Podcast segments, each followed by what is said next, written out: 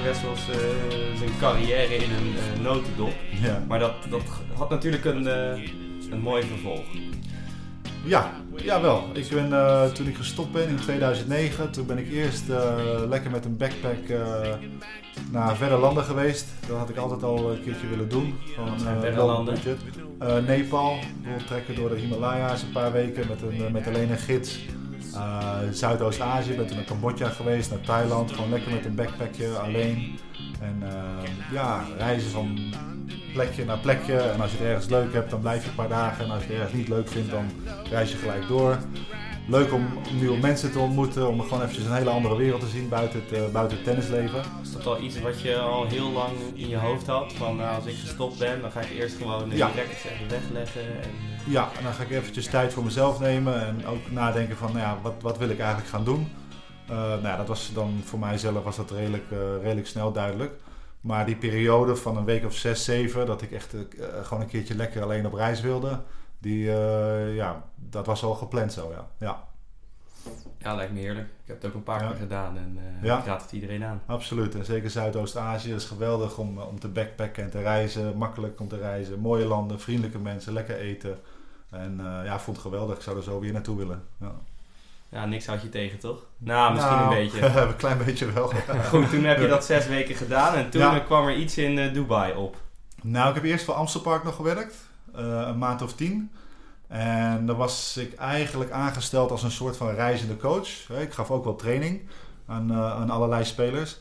Maar eh, mijn hoofdfunctie zou zijn dan om wat te gaan reizen met spelers. Maar in die tijd had je weinig spelers bij Amstelpark die reisden. Dus dat kwam er niet helemaal uit. En om nou ja, al die uren op de baan te gaan maken, dat, dat zag ik op dat moment nog niet echt zitten. Plus, eh, ik had ook groepen met hele goede spelers, met professionals. En ik vond zelf dat ik daar nog niet klaar voor was. Eh, kijk, als, als speler had ik natuurlijk wel het eh, een en ander meegemaakt. Maar als coach had ik nog geen ervaring. Ja. Ik vond dat ik daar zelf dus nog niet klaar voor was. En ehm, dat, die reden in combinatie met ehm, eh, dat het reizende gedeelte er niet echt helemaal uitkwam. Ja, besloot me toen om een klein beetje verder te kijken. Raakte ik in contact met een jongen die ik vanuit de junior kende. Een Belgische jongen, Sigi Meus. Ehm, die had net een bedrijf opgestart in, in Dubai. Een, een sportbedrijf.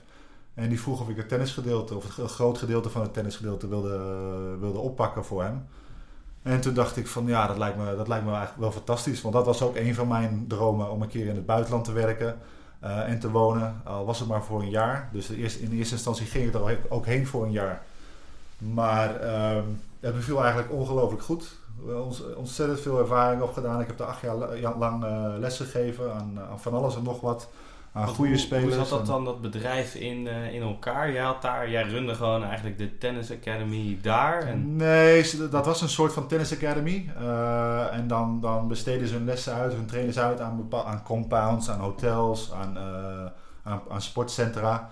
Daar zetten zij dan hun coaches neer. En ehm, ja, ik was een van die coaches. We begonnen toen met een mannetje of vier, vijf, denk ik. En dat ging eigenlijk als een trein. En na een jaar of twee, toen waren we met 25 of 26 coaches. Dus ging over heel, eh, heel eh, de Emiraten. Dus niet alleen Dubai, maar ook in Abu Dhabi en in, eh, in Sharjah. En dat, nou ja, dat zijn een paar van de, van de Emiraten. Dus dat ging hartstikke goed. En ik had het ook hartstikke naar mijn zin. Ik vond het lesgeven leuk, ik vond de studenten leuk en, en het sociale leven vond ik leuk. En ehm, ja, toen besloot ik om gewoon wat langer te blijven. Maar ik bekeek het gewoon per jaar. Ik dacht op het moment dat ik het niet meer leuk vind, dan, dan ga ik gewoon terug. Maar ja, wat ik zei, ik vond het gewoon echt leuk. Ik heb echt een geweldige tijd gehad daar. Dus eh, het is uiteindelijk acht jaar geworden. en wat vond je daar eh, leuk? En dus je, ik denk dat het, het werken en eh, het bezig zijn met tennis als coach. Als ik het zo hoor, Ja. dat je. Ja. Wat ik eigenlijk bedoel is, ik ben zelf ook in Dubai geweest een tijdje. Ik vond dat verder niet zo heel bijzonder sfeervol of leuk of zoiets van, nou, daar Ja. wil je echt wonen. Maar dat, dus dat, daar ben ik gewoon even benieuwd naar. Ja, ik kan me dat voorstellen. Er zijn veel mensen die eh, terugkomen van Dubai en, eh, en er zo over denken. Als je wat beter leert kennen en je bouwt daar een soort van vriendengroep op, dan is daar ontzettend veel te doen. En ehm, ja, het is een soort een klein paradijsje. Je waant je toch een klein beetje op vakantie. Kijk, de uren die ik maakte, dat waren er best wel veel. Er waren een stuk of 40, eh 40 uur. En lang niet altijd makkelijk. Want het is natuurlijk eh, ja, een maandje of 7, 8, 9 is het lekker weer. Maar die andere maanden is het echt flink afzien. Dan gaat het richting de 45, 46, 47 graden. Ja, en dan moet je ook je 6, 7 uur per dag maken. Dus dat is wel flink afzien. Dus ik heb daar ook wel echt wel, wel hard moeten werken. Maar dat is alleen maar goed geweest, denk ik. een hele goede ervaring voor me geweest qua, qua coach. En, ehm, en, en, en op een gegeven moment bouw je natuurlijk een hele leuke vriendengroep op. Je, je kent veel mensen. Dus het is 80% van de mensen die in Dubai en Abu Dhabi wonen, dat zijn expats. Dus het zijn allemaal mensen die op zoek zijn naar ja, vrienden of contacten. Of, uh, je weet van tevoren dat je daar voor een bepaalde tijd bent. Sommige mensen zijn er twee jaar, andere vier, vijf jaar. Ja. Maar je weet dat je op een gegeven moment weer teruggaat naar het, nou ja, tussen aanhalingstekens, normale leven. Dus de mensen die genieten daar ook wat meer. Um, daarnaast vond ik het gewoon heerlijk. En het klinkt heel simpel en misschien een beetje afgezaagd. Maar ik vond het heerlijk om uh, elke ochtend in mijn korte broek en t-shirt en mijn zonnebril op te, uh, naar mijn werk te gaan. Ik vond het zo'n zo'n lekkere start van de dag. Dat ik, uh, ja, dat ik daar heel makkelijk aan kon winnen. Ja, ja dat kan ik me ook wel ja. voorstellen. Ja. En wanneer kwam toen het telefoontje van Roger? Vrij snel al. Dat, ja, in, in, nee, in mijn tweede jaar volgens mij. Eerste of tweede jaar. Ja, we hebben een aantal jaren achter elkaar wel gespart met elkaar. Hoe ging dat dan? Um, via zijn coach, via Severin Lutti. Ja, wij kennen elkaar natuurlijk dan van de Tour. We hadden twee keer tegen elkaar gespeeld. Uh, Severin die kreeg er uh, ja, hoogte van dat ik, daar, dat ik daar zat. En hij had af en toe gewoon een sparring nodig. En op dat moment woonden er geen andere tennissers in Dubai. Nu heb je er wel een paar, uh, paar wonen, een paar Fransen, een paar... Uh, dus nu heeft hij wel wat, uh, wat, wat betere sparring. En Lucas Pouille zit er volgens Pouille mij zit ook, daar. Er zitten ook wel een paar meiden. Ik weet niet precies welke meiden, maar ik weet dat er veel tennissers die gaan er naartoe. Het is natuurlijk... ja, het is makkelijk leven daar. Het is lekker leven daar. Het, is heel, het ligt heel centraal natuurlijk. Vanuit Dubai vlieg je heel makkelijk overal naartoe. het is altijd zonnig. En ze hebben een hele goede infrastructuur wat betreft sport, wat betreft tennisbanen. Dus het is ideaal om te trainen daar.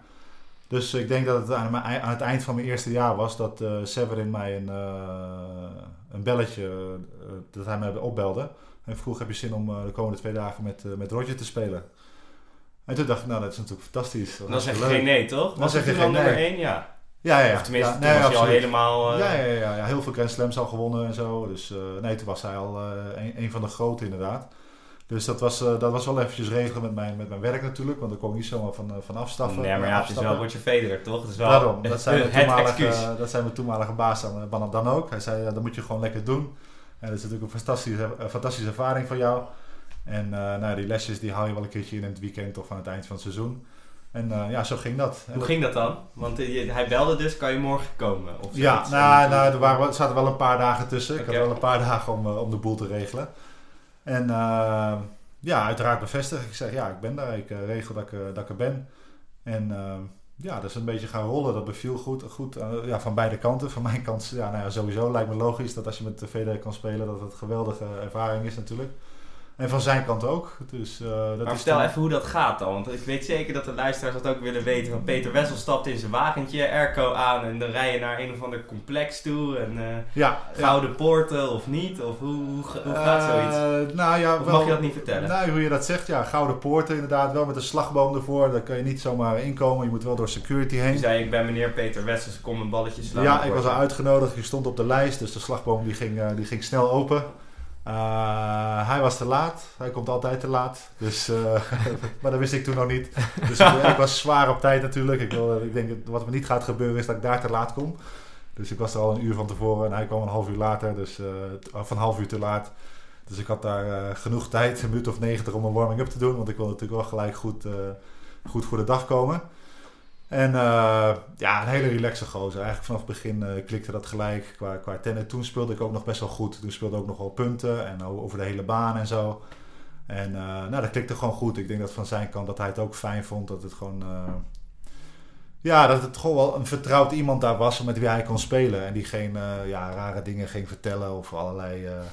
ja, als een, zich als een soort van fan ging gedragen of zo. Ja. Gewoon normaal als... als ja, als een soort collega. Ja, spelers onder elkaar inderdaad, ja. En ja. Hoe, hoe, maar hoe ging dat dan uh, in het begin? Zegt dan uh, Severin Luti van oké, okay, uh, jullie gaan nu even crossen of zo? Ben je gewoon volledig ondergeschikt aan wat... Hoe werkt zoiets? Ja, tuurlijk. Volledig ondergeschikt. Ja, absoluut. Ja, wat hij aangeeft, wat Severin aangeeft, dat, dat volg ik gewoon op. En wat ging je dan doen de eerste dag bijvoorbeeld? Zeg je? Wat ging je dan doen de eerste dag? Ehm goh, ja, dan vraag je wat, dat is tien jaar geleden. Ja, of ja, maar, of, ja, weet ik veel. nee, maar dat dat begint, dat, dat begint altijd Is natuurlijk dat gewoon heel basic met, oké, gaan jullie nu Ja. eerst even van achteruit gewoon een beetje crossen en daarna ga je een beetje volleren? Of is, is dat zoals wij spelen als we op woensdagavond een balletje gaan slaan? Of Nou, ik weet niet hoe jij speelt, maar je vertelde, je vertelde me net, je vertelde net dat je een tweetje was, dus eh, ik kan me voorstellen dat je, dat wel, dat je wel een behoorlijk niveau hebt. Nee, dat begint natuurlijk gewoon met de warming-up. Hij heeft altijd een paar mensen bij zich, dat zijn de fysio, dus de conditietrainer en, eh en zijn tennistrainer. En dat was dan, af en toe was dat eh, Severin en andere keren was dat eh Lubicic, wat later. Ehm, ja, dat begint dus met een warming-up en daarna is het gewoon vanaf de baseline gewoon rustig inspelen. Rustig inspelen. Is dat voor jou dan ook rustig of is het alleen voor hem rustig? In het begin wel, ja. De eerste paar jaar was het ook voor mij nog rustig. Want later ging het ook wat moeilijker. En als hij dan belde, ehm, zijn coach dan van... eh, kom je de komende dagen of het weekend weer een paar keer trainen... dan gaf ik zelf ook wel, aan. Ik was inmiddels ook al een stukje zwaarder geworden. Eh, van, nou ja, ik ben niet helemaal fit. En de hoeken in, dat gaat misschien niet zo. Een beetje last van mijn knieën en zo. Maar dan zei hij van, ah, geen probleem. En vind het sowieso leuk dat je komt. En dan ga je maar in één hoek staan. Dan ga je maar vanuit één hoek eh Roger laten lopen. Of je service die zit altijd wel. Dan ga je wel maar 20 minuutjes serveren. Maar zouden het gewoon leuk vinden als je, als je komt. Dus, eh, En dan ging ja. dat echt zo. Dan werd jij gewoon in de hoek gezet met een paar kilo zwaarder en dan eh, ging, ging jij die voorhand gewoon strepen rechtdoor, cross, rechtdoor. ja, op het laatst wel ja. ja. Want er is ook wel eens een keer geweest, na, na een paar jaar dat ik met hem trainde, en dat ik een hoek in wilde. En, nou ja, die hoek in ging nog wel, maar die hoek uit ging helemaal niet. Ik verdraaide denk ik mijn knie een beetje. Ja, toen was ik natuurlijk geblesseerd. En nou ja, het is wel hartstikke leuk, ook voor mijn studenten, dat ik met Roger Federer speel. En dan zeker als ik af en toe een gesigneerd t-shirt meeneem of een bal of zo, of als ik een leuk verhaal vertel. Natuurlijk. Maar als ik twee weken geen les kan geven, dan ja, dat is natuurlijk niet goed. Dat is niet de bedoeling. Nee, hè? Op een gegeven moment moet je wel realiseren, oké, dit is wel iets wat ik achter me heb gelaten. Ik ben geen speler meer, ik ben nu coach en ik moet er nu voor mijn pupillen en mijn studenten zijn. Dus eh, toen werd het wat lastiger en toen gaf ik ook al aan van, nou ja, ik moet toch een klein beetje uitkijken. Dus eh, laten we maar geen setjes meer spelen. En, eh, dus toen ging het ietsjes rustiger, voor mij dan. Maar eh, ja, geweldige trainingen, absoluut. Had je hem eh, sinds de laatste keer dat je tegen hem speelde en de eerste keer dat je met hem ging trainen, had je hem tussendoor nog veel gesproken op de tour of zo? Of, eh? Nee, nee, niet. Nee, want ik werkte ook niet op de tour en ik speelde niet meer. dus we hadden geen contact.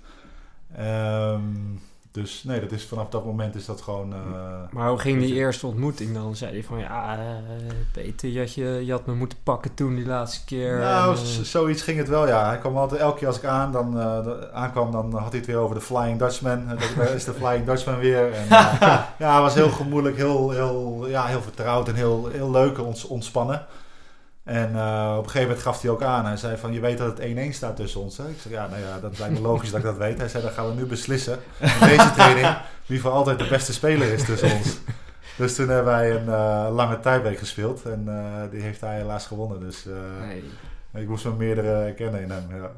En had je toen, toen je dus voor die eerste keer met hem speelde, want je speelde in 2000 tegen hem, toen was hij echt nog jong. Toen je later Ja. speelde, Ja. merkte je toen ook van, oké, dit is wel serieus niveau?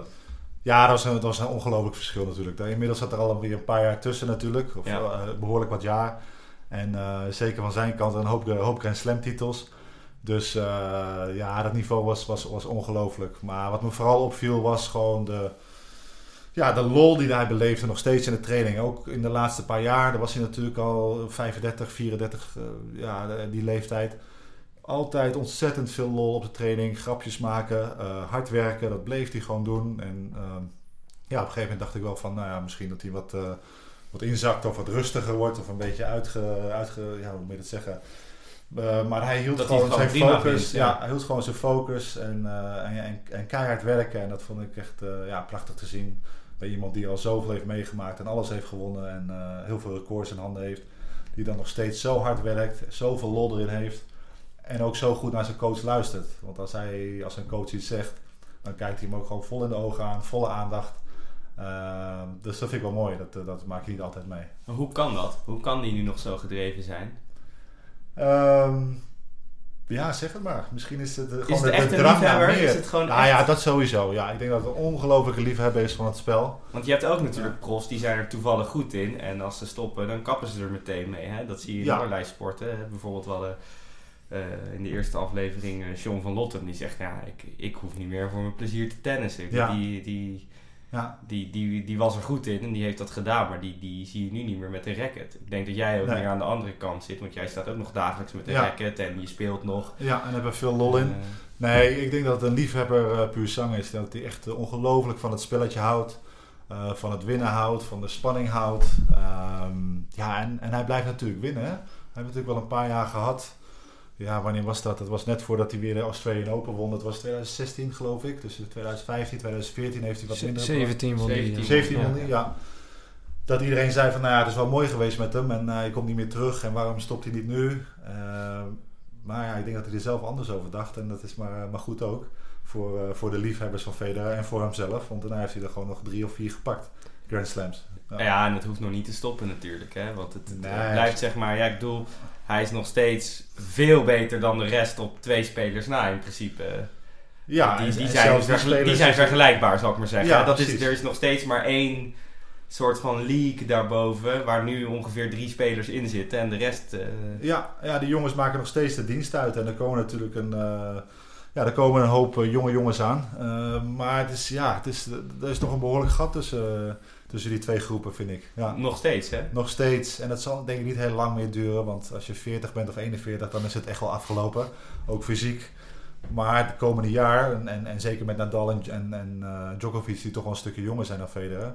Die kunnen nog misschien nog wel, nog wel een paar jaar de, de kar trekken Ja. daar. Ja. Ja. Nadal met zijn fysieke speelstijl is natuurlijk maar de vraag. Maar dat zeiden we ook al toen hij 25 was. Dat is waar, Ja. dat is waar. Ja, Dus dus, voorlopig eh, staat hij daar wel. eh, ja, hoe oud is hij? Ja. 33 of zo? drie- Ja. 34, ja. En voorlopig eh, staat hij er wel en eh wint hij zijn toernooien. En, eh, Nee, ja, daar Ja. heb je gelijk in. En Ja. jij hebt dus, dus meerdere jaren met Roger gespeeld. Iedere keer als hij daar was, in de, zal ik maar zeggen, Europese winter, toch? Dan, Eh, ja, vaak was het twee keer per jaar. Een periode voor, eh, voor ehm, eh, Miami, Key Biscayne en Indian Wells. Die periode eh, trainen we regelmatig samen. En dan in de off-season, dus in december.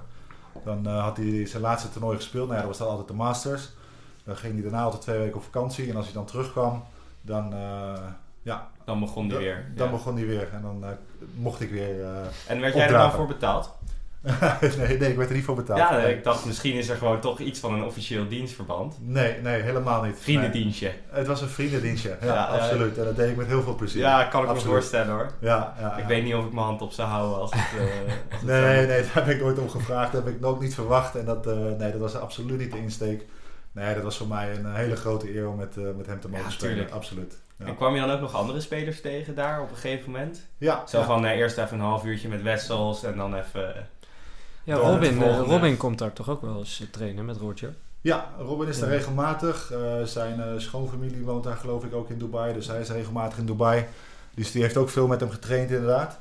Ehm, een andere speler is de, die Felix Auge. eh, Felix Auge. Oge daar kom ik even alias niet aan. Sameh. Ja, die ja. Ik weet niet hoe je het uitspreekt, Ja. maar... eh, Ja, op een gegeven moment eh, belde Roger zijn coach weer en hij zei van, is hier een jonge jongen eh, en Roger en we willen veel 2 tegen 1 spelen. Eh, heb je zin en tijd en, eh, en, en kun je? Dus toen heb ik hem meegemaakt. Toen was hij nog eh, ja, redelijk onbekend, stond hij rond de 200.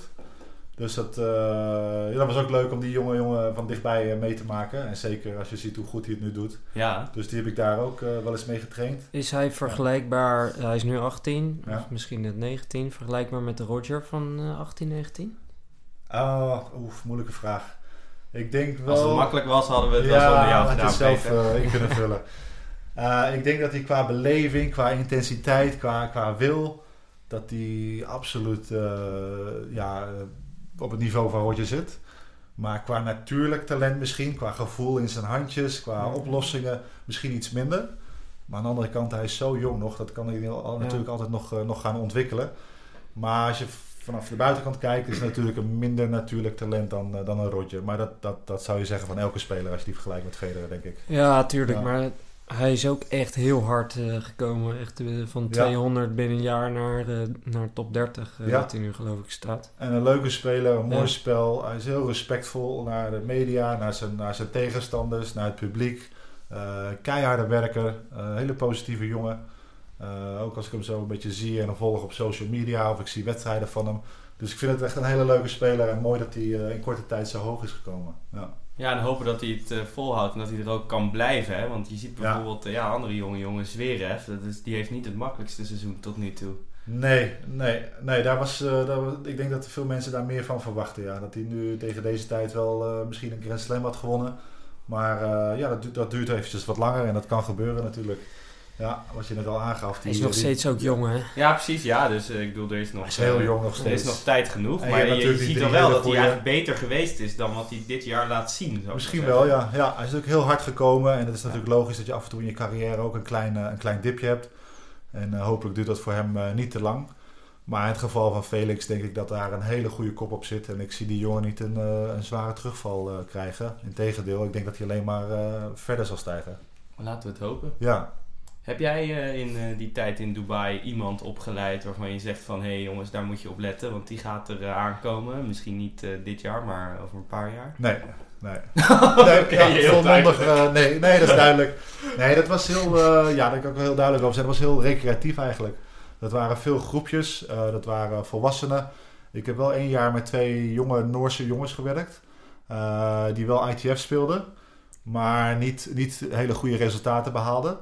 Maar over het algemeen had ik eigenlijk van alles. Van vierjarige kindjes, groepjes van zes, weet je wel. Uh, rode bal hadden we toen, rode balletje aangeven. Spelletjes op de baan. Ja, heb ik op eh, YouTube ook gezien. Dat jij eh, balletjes ja, aan het rollen bent. Van alles. Ik had ook wel goede spelers hoor. Maar niet, niet goed als in, die kunnen op de ATP wat, wat klaar gaan maken. Helemaal niet. Maar ja, heel recreatief. De meeste van de spelers die kwamen één keer per week. En dan was het ja, je wil ze natuurlijk wat bijbrengen, maar het is moeilijk uh, in drie kwartier, want het waren sessies van drie kwartier. Dus dan, uh, dan verleg je ook zelf een beetje de verwachtingen en de grenzen. En dan uh, zorg je er gewoon voor dat ze een geweldige tijd hebben. En met een dikke smaal de baan afgaan. Wat vaak ja, lukte. En, en, hopelijk dat ze in de, in, de, in de tussentijd ook wel wat dingetjes oppikten, op zouden pikken. En dat is, dat is denk ik wel goed gelukt. Ja. Maar daar heb je, omdat je dan zo'n uh, divers palet aan spelers, dat, dat maakt je als coach dat denk ik ook beter, toch? En completer. Ja, daardoor ontdek je als, als coach wel, denk ik. Ja. ja, kijk, die kleintjes, ik heb het, uh, dat was een hele leuke ervaring, een goede ervaring voor mij als coach, of als, als trainer eigenlijk, want dan ben je meer een trainer dan, dan een coach. Um, mooie ervaring geweest, maar dat gedeelte heb ik natuurlijk nu heel weinig aan. Dus de betere spelers die ik wel wat heb, wat heb getraind of mee heb getraind, daar met die ervaring, die kan ik nu beter gebruiken in mijn uh, functie als assistent bondscoach. Ja. Maar het is sowieso een hele goede ervaring geweest voor mij. Ja. Want hoe ging dat proces van Dubai gedacht zeggen eigenlijk ja. naar assistent bondscoach?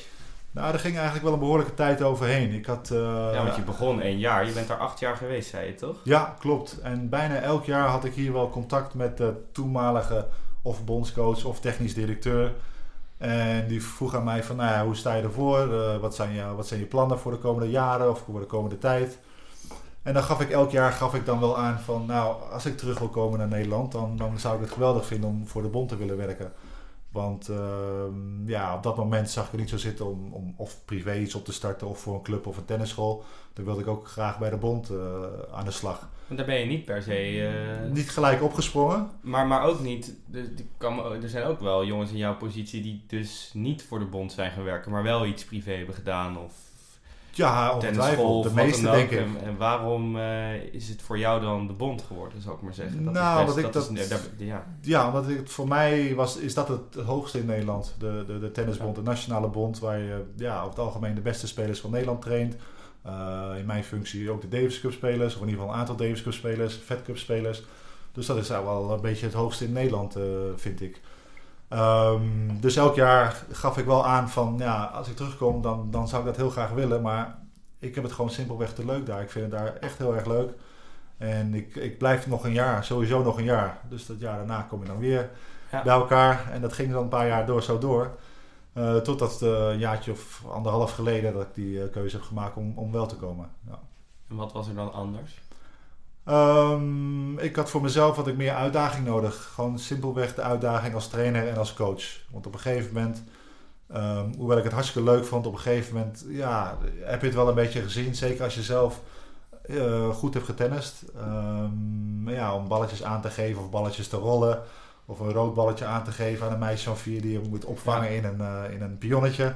Weet je wel, hartstikke leuk. Maar op een gegeven moment wilde ik gewoon meer. Ik wilde de spelers echt beter maken en werken met mensen die, uh, die er ook het maximale uit willen halen. En dat is, eigenlijk is dat, is dat mijn ideaal als coach. Dat, dat, dat je gewoon ja, een positieve bijdrage kunt leveren aan, aan, ehm, aan iemand die zijn droom najaagt. En dat vind ik, eh, dat vind ik, iets- vind ik iets heel moois. En dat, dat komt beter tot uiting in de functie die ik nu heb dan, dan toen, ik, eh, toen ik daar was in, eh, in de Emiraten. Ik kan me misschien wel voorstellen dat, eh, dat er ook nog financiële motieven zijn. Eh, als die er waren, dan was ik in Dubai gebleven. Ja, dat bedoel ik. Ja, Oh, ja, ja. Dat, dat bedoel ik. Want het is, ja, ik bedoel, het is, eh, ja, het is algemeen bekend dat er, ja, er zijn oliedollars genoeg eh, daar. Ja, Het is een andere manier van geld verdienen dan hier. Ja, al valt het voor de meeste tenniscoaches nog wel, nog wel, eh, wel een beetje tegen. Dus, veel mensen zien het een beetje te rooskleurig in, denk ik. Ja, maar ik denk dat als je ex-top 100 speler bent, dat er toch wel iets een iets ander prijskaartje aan Ja, daar verdiende ik goed. Ja, ja meer dan in Nederland. Dat, eh, daar hoeven we niet zo heel moeilijk over te doen. Ja, ik, bedoel, Eh, ik wil er niet in detail op ingaan hoor, Nee. maar dat is wel iets wat je denk ik hebt meegenomen. Want het, ja, ik bedoel... Ja, nou, dat geldt letterlijk niet. Dat heb ik niet meegenomen. Want eh, het leven in Dubai is ook heel erg duur. Dus Ja, daar is er allemaal eh, doorheen gegaan. maar eh, ja, je verdient, je verdient meer geld daar. Ja. Dus dat is, ja, dat is één van de bijredenen om misschien ook wat, wat langer te blijven nog. Maar de hoofdreden voor mij was echt dat ik het werk gewoon hartstikke leuk vond. Dat ik met, met, met geweldige collega's samenwerkte. Ehm, de pupillen had ik het ontzettend mee naar mijn zin. En ik had gewoon een hele leuke sociale, sociale omgeving. Eh, en mijn vriendin, toen een toenmalige vriendin, nu mijn vrouw, die heb ik daar ontmoet. Die had het daar ook heel erg naar haar zin. Dus dan is de drang om naar Nederland te gaan is niet zo heel erg groot. Nee, kan ik me voorstellen. Totdat je op een gegeven moment ja, echt die, die uitdaging nodig hebt. Die voor het werk hebt. inhoudelijke. Ja. Ja, plus op een gegeven moment dan, ja, dan, dan vergeet je natuurlijk wel een beetje. Of, of vergeet je. Dan denk je van, nou ja, hartstikke leuk dat die Wessels hier elke keer in de zomer een eh, verhaaltje komt houden. Dat hij zo graag hier wil werken. Maar als hij na 6, 7 jaar nog niet komt, dan ja, op een gegeven moment denken ze ook van, nou ja, laat, laat maar zitten, weet je wel. Ja. Dus eh, op een gegeven moment dacht ik van, nou ja, dit is wel een mooie kans om te gaan. Jacco Elting werd technisch directeur, die ken ik eh, een tijdje ook persoonlijk. Eh daar heb en, had, ik, had en heb ik heel veel vertrouwen in. En ook mijn directe collega en directe leidinggevende, Bas Collier, die kende ik nog van Amstelpark. En ik dacht dat dat een hele goede match was. En ik denk van, nou, dit is een mooi moment om, eh, om in te stappen. En ehm, ja, dus dat heb, eh, heb ik toen gedaan. En dat is nu dus jouw huidige functie. Ja, Assistent bondscoach, eh, zoals dat dan heet. van het Nationaal Tenniscentrum. Ja, precies. Ja, hele mond vol. En wat doe je dan? Ja, training geven op, de, op het Nationaal Centrum. Voor de spelers, voor de betere spelers in Nederland. Die, ehm, die of daar worden uitgenodigd of daar behoefte aan hebben. Of die, die zich opmaken voor het nieuwe seizoen. Of komen trainen tussen de toernooien door. En die, eh, die train ik dan. En naast de training geven heb ik dan een week of 10 tot 12 per jaar. Dat ik ook als coach meereis met ze. En dat vind ik leuk. Dat vind ik ook leuk, die afwisseling. Ik had geen zin meer om 25, eh, 25 weken per jaar te gaan reizen, want dat vond ik echt wat te veel. Zeker nadat je het 15 jaar lang zelf, eh, zelf hebt gedaan. Ja, natuurlijk. Maar 10 tot 12 weken vind ik hartstikke goed. En ik denk ook dat het, eh, ja, dat het goed is dat je de jongens ook in actie ziet. Want als je, ja, ze trainen is één ding, maar je wil ze ook onder spanning zien. En tegen goede spelers zien en op wedstrijden zien. En dus eh, die combinatie voor mij is, eh, is eigenlijk ideaal. En met wie, eh, met wie werk je dan zoal? Want ik neem aan dat je dus dan met name in Almere nu nog Ja. bezig bent. Ja, in Almere in september gaan we dan naar het Amstelveen, eh, Ja. waar het nieuwe centrum eh, ja, gebouwd wordt nu. Ehm, ja, met allerlei spelers. Ze zijn fulltime spelers bij ons. Dus die, eh, die hebben een hele verzorging, een training, een trainingsprogramma, een toernooiprogramma wordt door ons verzorgd en, en aangeboden. Ehm, ik noem drie jonge jongens, een Tim van Rijthoven, een Ryan Nijboer en Jesper de Jong bijvoorbeeld. Die zitten fulltime bij ons. Dus dat soort jongens trainen we. Maar ook jongens die nog in aanmerking komen voor de Davis Cup bijvoorbeeld. En, eh, nou ja, je had het net over Timo de Bakker, die trainen, die trainen ook regelmatig. Dus dat soort eh, jongens. En dan hebben we natuurlijk ook nog een groep meiden. En ehm, hoe de structuur is in eh, Nederland en bij het centrum is dat wij ook een bepaalde sparring hebben. Dus er zijn spelers bij die ehm, hun situatie eigenlijk bij een privéschool hebben, een privéacademie. Ja. Maar die wel twee of drie keer in de week bij ons trainen om, om te gaan sparren. Dus eh, dat is eh, voor ons hartstikke goed dat die eh, goede spelers erbij zijn en voor hen natuurlijk ook.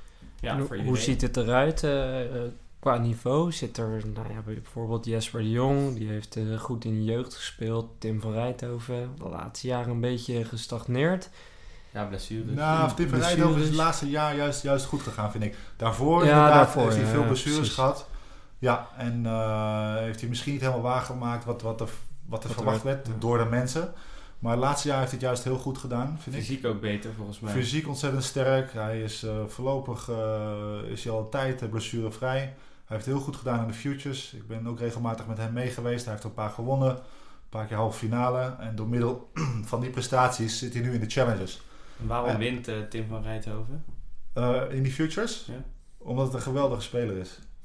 Ja, maar ja, daar neem ik geen genoegen mee met een geweldige speler. Ik wil wel iets meer. Omdat hij een hele goede coach mee had op reis. Ja, dat dacht ik al. Ja, precies. Nee, nee, nee. Nee, Tim, eh, ja, dat is, dat is natuurlijk duidelijk. Als je Tim ziet spelen, dat is een geweldige speler. En die heeft een beetje pech gehad met zijn, eh, met zijn fysiek. Ehm, en het heeft best wel een tijdje geduurd, een anderhalf jaar, twee jaar eh, voor hem. Maar het is nog steeds een hele jonge jongen. Net zoals die andere jongens die je net noemde, die Ryan, die Ryan, Ryan Nijboer en Jesper de Jong. Dat zijn gewoon jonge jongens die zit, die, waar echt wel eh, behoorlijk wat in zit. En het hoeft er niet meteen uit te komen op een 19e of een 20ste. En zeker tegenwoordig. Je Het wordt steeds moeilijker, hè? het wordt moeilijker, maar je moet ze ook wat langer de tijd geven. Het wordt ook wat, wat moeilijker om op vroege leeftijd al te staan en hele eh, grote prestaties neer te zetten.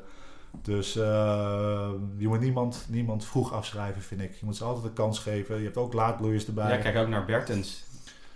Die is ook niet heel vroeg gekomen, toch? Nee, nee, is niet heel vroeg. Nee, klopt. Die stond niet op haar 19 al in de top 20 inderdaad. Ja. Dat, eh, dat heeft ook wat, wat langer geduurd inderdaad. Maar zeker bij het mannentennis zie je dat het gewoon eh, dat het nu wat langer duurt. De mensen komen vaker wat, wat later door. 23, 24, 25. Maar die carrières die duren ook langer. Ja. Toen ik speelde was je op je 30ste, 31ste was je echt, echt wel oud. En dan, eh, dan, eh, ja, dan stopte je bijna. Maar nu zitten de meesten bijna in, een, in de prime van hun carrière. Dus die, die grens die wordt een beetje verlegd. En dan vind ik dat je ook als, eh, nou ja, als coach of als organisatie of als eh, tennis academy... Dat je, dat je spelers wat meer tijd moet geven om, om daar te kunnen komen. Maar waarom is Tim van Rijthoven nou goed? Ehm ja, je herhaalt je vraag. Ja, want ik, ik, ik, ik ben gewoon tennis inhoudelijk op zoek. Is dit, Ehm. want hij is niet zo lang als jij. Bijvoorbeeld. Nee, maar hij is wel bijvoorbeeld drie keer zo snel als ik. Ja, oké, nou, Hij dat drie kan dus reden sterk. zijn. eh. Ja, hij is fysiek eh, is hij enorm sterk op dit moment. Eh, en hij heeft geweldige slagen. Hij heeft een paar hele grote wapens. Zoals zijn service bijvoorbeeld en zijn voorhand. Ehm, en hij kan er echt mensen mee wegzetten, mensen mee wegslaan. En zeker op het niveau van futures eh, is dat regelmatig ge- eh, zo gegaan. Dat hij, dat hij echt mensen flink wegsloeg van de baan. Echt met die voorhand die bijvoorbeeld. Dat voorhand, hij- met die service. Is die vlak of is hij eh, juist heel, met heel veel Met veel pace? variatie. Die kan niet heel vlak slaan, maar hij kan hem ook zwa- zwaar spelen. Ehm, zijn service, hij heeft een geweldige service. Hard En, of redelijk, of, redelijk- complete service. Alles. Alles, ja. Ja. Een beetje het, hij heeft een beetje wel het complete eh, pakket, zeg maar. Het complete, complete plaatje.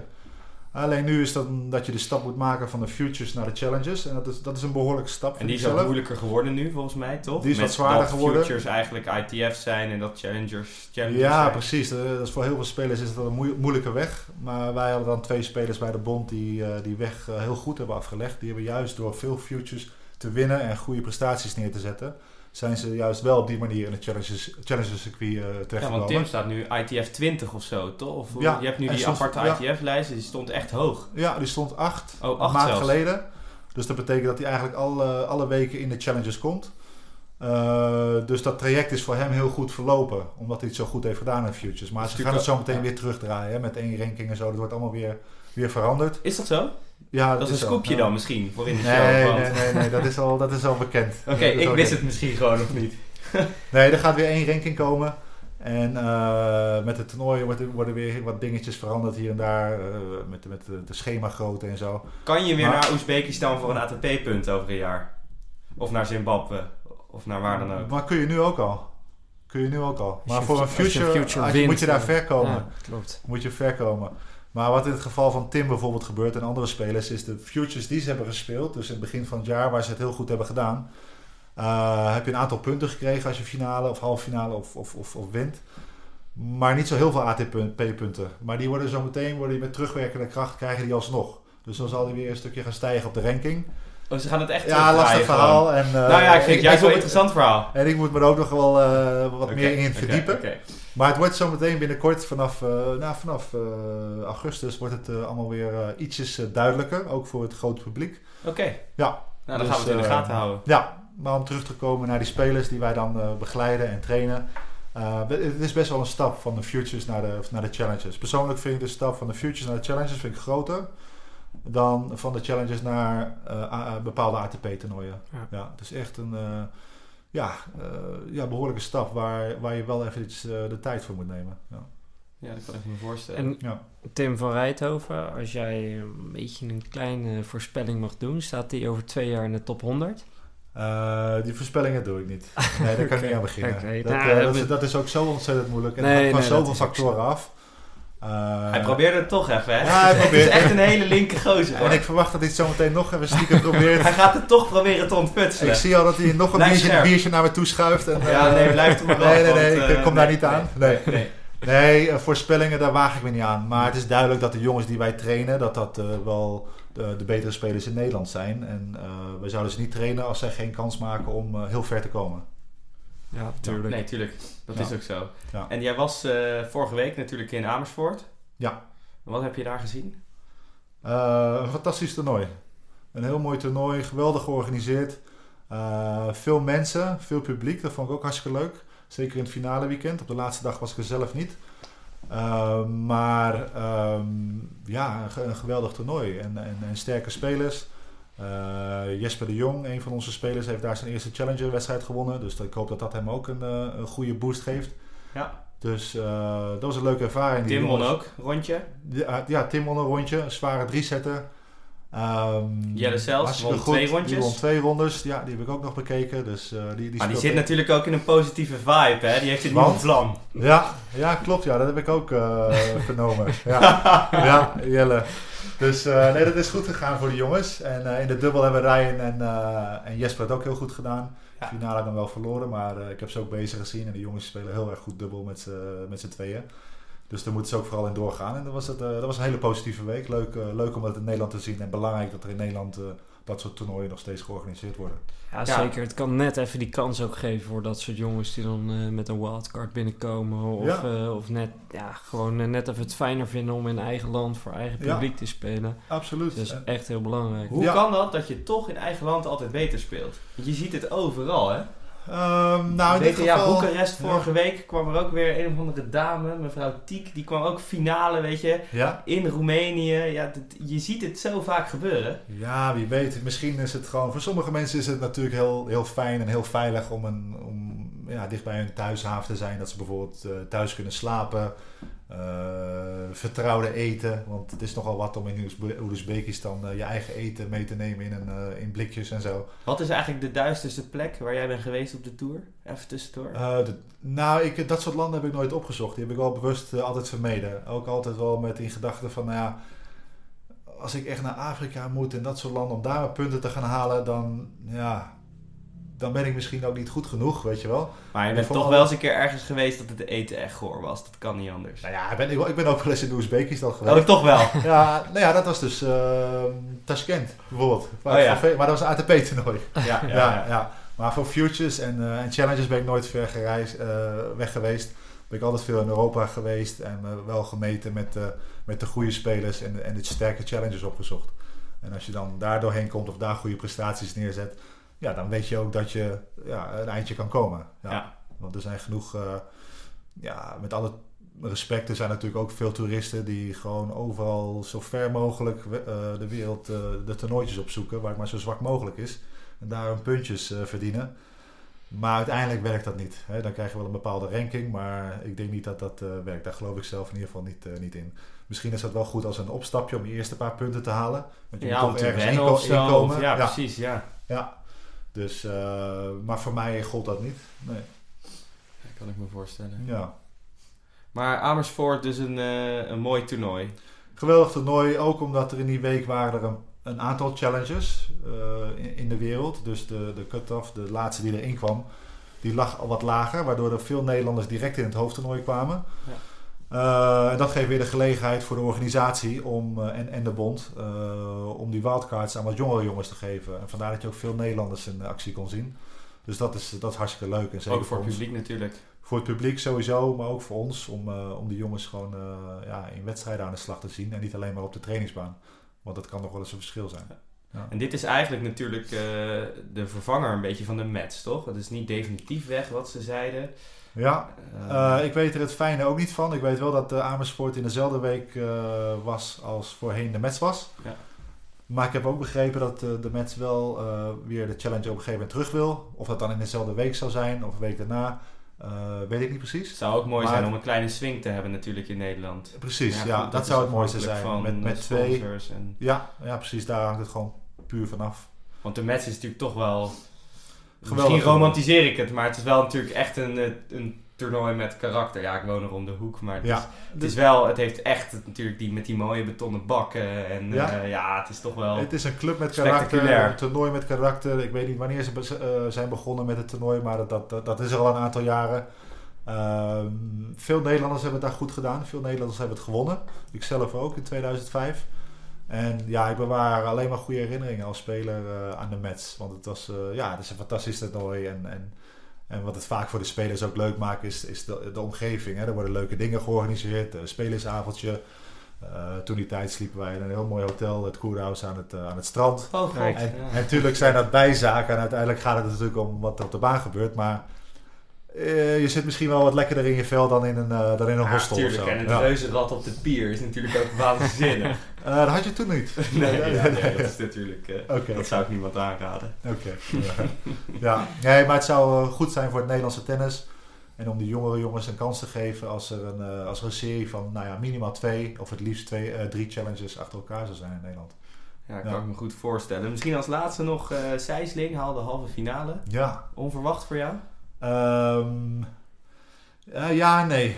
Ehm, ja, omdat ja, ik ken hem een beetje en hij staat er op het moment staat hij heel relaxed in zijn, eh, in zijn tennisleven, in zijn carrière. Volgens mij, als ik het goed begrijp, hoeft hij ook niet zo heel erg meer.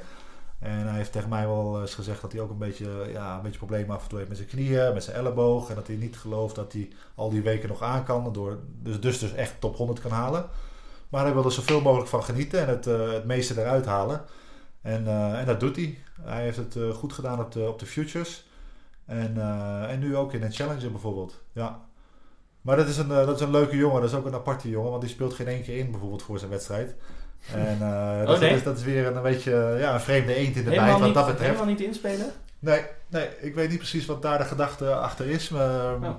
Misschien wil hij zijn energie besparen. Of misschien is dat een keer tijdens een toernooi goed gegaan. En dat hij dat erin houdt. Maar eh, ja, dat heeft hij dus die, die week niet gedaan. Maar wel heel goed gespeeld en ver gekomen. Dus, ja, dat eh, blijkt ja. Ja, ja. een goede spelers Ja, verslagen. dus En, die, ja en, en wat ik zei, in de futures doet hij het ook goed. Dus eh, op, op dit moment eh, ja, staat hij er gewoon lekker bij. En, eh, en, en stijgt hij ook goed op de ranking. en traint hij ook in eh, Almere? Nee, nee, die traint niet bij ons. Nee, die heeft voorheen wel bij de bond getraind, maar nu, eh, nu niet meer. Nee. Ja, interessant. Ja, als wij eh, competitie spelen, dan gaan we altijd wel nog even inslaan van tevoren hoor. Ja, En, zelfs jullie doen dat. Ja, ja, we hebben nu een deeltje met de club eigenlijk. Dus dan Ja. is er een soort jeugd te instuit. Dus dan komen de kids die komen naar de club toe. Want Ja. inspelen moeten wij toch. Dus dan geven wij eigenlijk de les en dan spelen we zelf eh, mee. Dus dat Ja. is voor iedereen eh, een, echt een win-win situatie. Ja, ja, precies. Ja. Nee, ik weet, eh, ik weet niet wat daar de gedachte achter is, achter het niet inspelen. Misschien heeft hij wel zoveel vertrouwen in zijn kwaliteiten. En, eh, Ja, dingetjes of misschien is het eh, gewoon bijgeloof. Of, eh, ja, Ja, ja en, als hij daar halve finale challenger mee haalt, wie ben ik dan om te zeggen dat het geen goed ja, idee is? is misschien Dus- wel interessant om aan hem zelf te vragen. Wie weet, wie weet kan hij een van je volgende gasten zijn in het programma.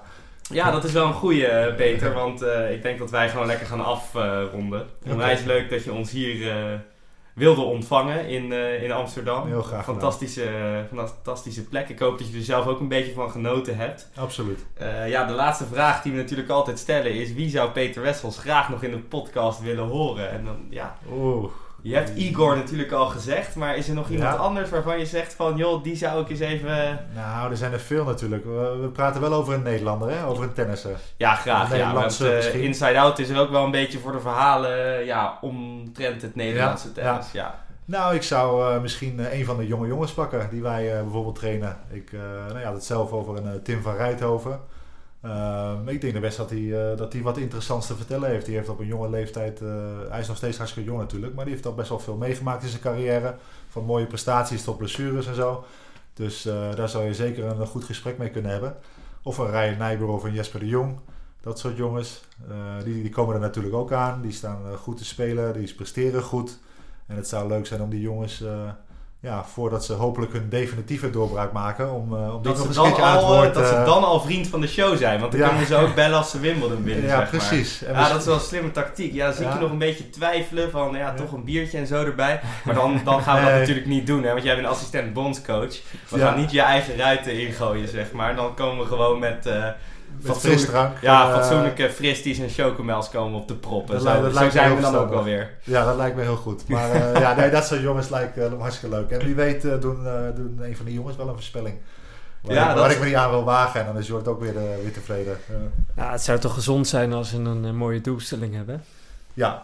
Nou ja, die hebben ze natuurlijk ook wel. Ja. Die hebben ze natuurlijk ook wel. Ja, Want, natuurlijk, dat ja, moet ook. absoluut. Ah, nog één laatste vraag. Als eh, Peter Wessels echt even goed zijn best doet, rol je die gasten dan nog op? nee, dat- ik zeg sowieso nee. Ja, ook al zou het ja zijn. nee, nee, nee. Dat is, eh, dat is te ver weg voor mij. Te ver weg voor mij. Ook niet als je goed serveert, dat je die service games Ja, ik denk af en toe wel, maar dat is misschien mijn eigen, beetje, misschien mijn grote ego. Ik denk af en toe wel eens van, nou, als, ik twee, als ik drie, vier weken gewoon lekker kan trainen, dan kan ik in ieder geval ze goed tegenstand bieden. Nee, ik ga ze niet meer verslaan. Daar zijn de jongens natuurlijk veel te goed voor. Dat zou natuurlijk eh, helemaal niet goed zijn als een 41-jarige ze zelf verslaan. En, eh, en wat ik zeg, dat gebeurt ook echt niet. Maar ik zou ze wat meer tegenstand kunnen geven dan dat ik, eh, dan dat ik nu doe. Want ik speel ook regelmatig wel met de jongens. Al is het inspelen, al is het in één hoekje, zoals met, eh, met Federer. Maar ik sta regelmatig nog zelf op de baan.